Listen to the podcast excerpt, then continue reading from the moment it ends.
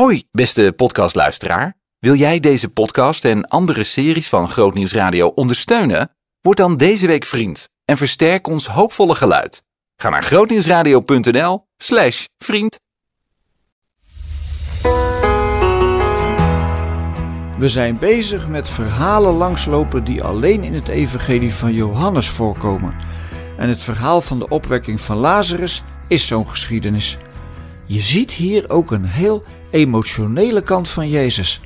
Want er wordt verteld dat hij veel van Maria en haar zus Martha houdt en ook staat te huilen als het over Lazarus doodgaat. Maar het gaat hier ook heel erg over het gezag dat Jezus van zijn vader had gekregen.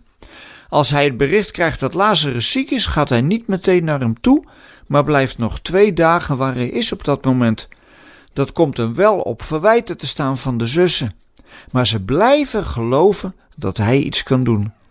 En het interessante is dat er verteld wordt dat Jezus zich ergert. Waaraan dan? Het lijkt of het hem irriteert dat de mensen er niet net als hij van overtuigd zijn dat Lazarus weer zal opstaan. Het gaat hier dus over een groep mensen die erop vertrouwen dat de dood niet het laatste woord heeft.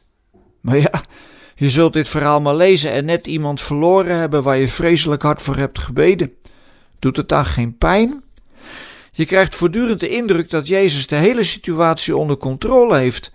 Maar zelfs in het verhaal zelf wordt al door omstanders gezegd: dit had Jezus toch kunnen voorkomen? Hij heeft immers ook die blindgeborene genezen. Hoe dan ook, uiteindelijk wordt Lazarus inderdaad opgewekt nadat hij al vier dagen in het graf lag. En je hoort in de vette al een beetje een echo van de paasmorgen, waarop Jezus zelf uit de dood wordt opgewekt. Het gaat in de Bijbel nu eenmaal over het leven.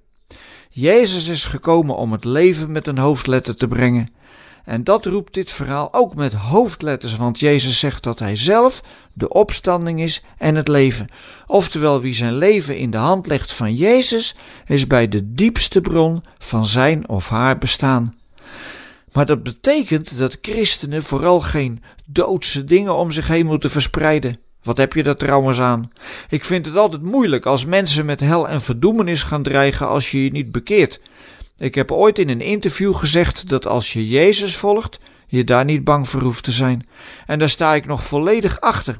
Jezus is niet voor ons gekomen opdat wij met opgeheven vinger iedereen bang zouden maken. Hij is gekomen om Gods plan uit te voeren, leven in overvloed voor wie hem volgt. Dus sta op uit je stoel van moedeloosheid en ga in Gods naam aan de slag. Laat maar zien in je eigen leven dat de dood het verliest van het leven dat God geeft.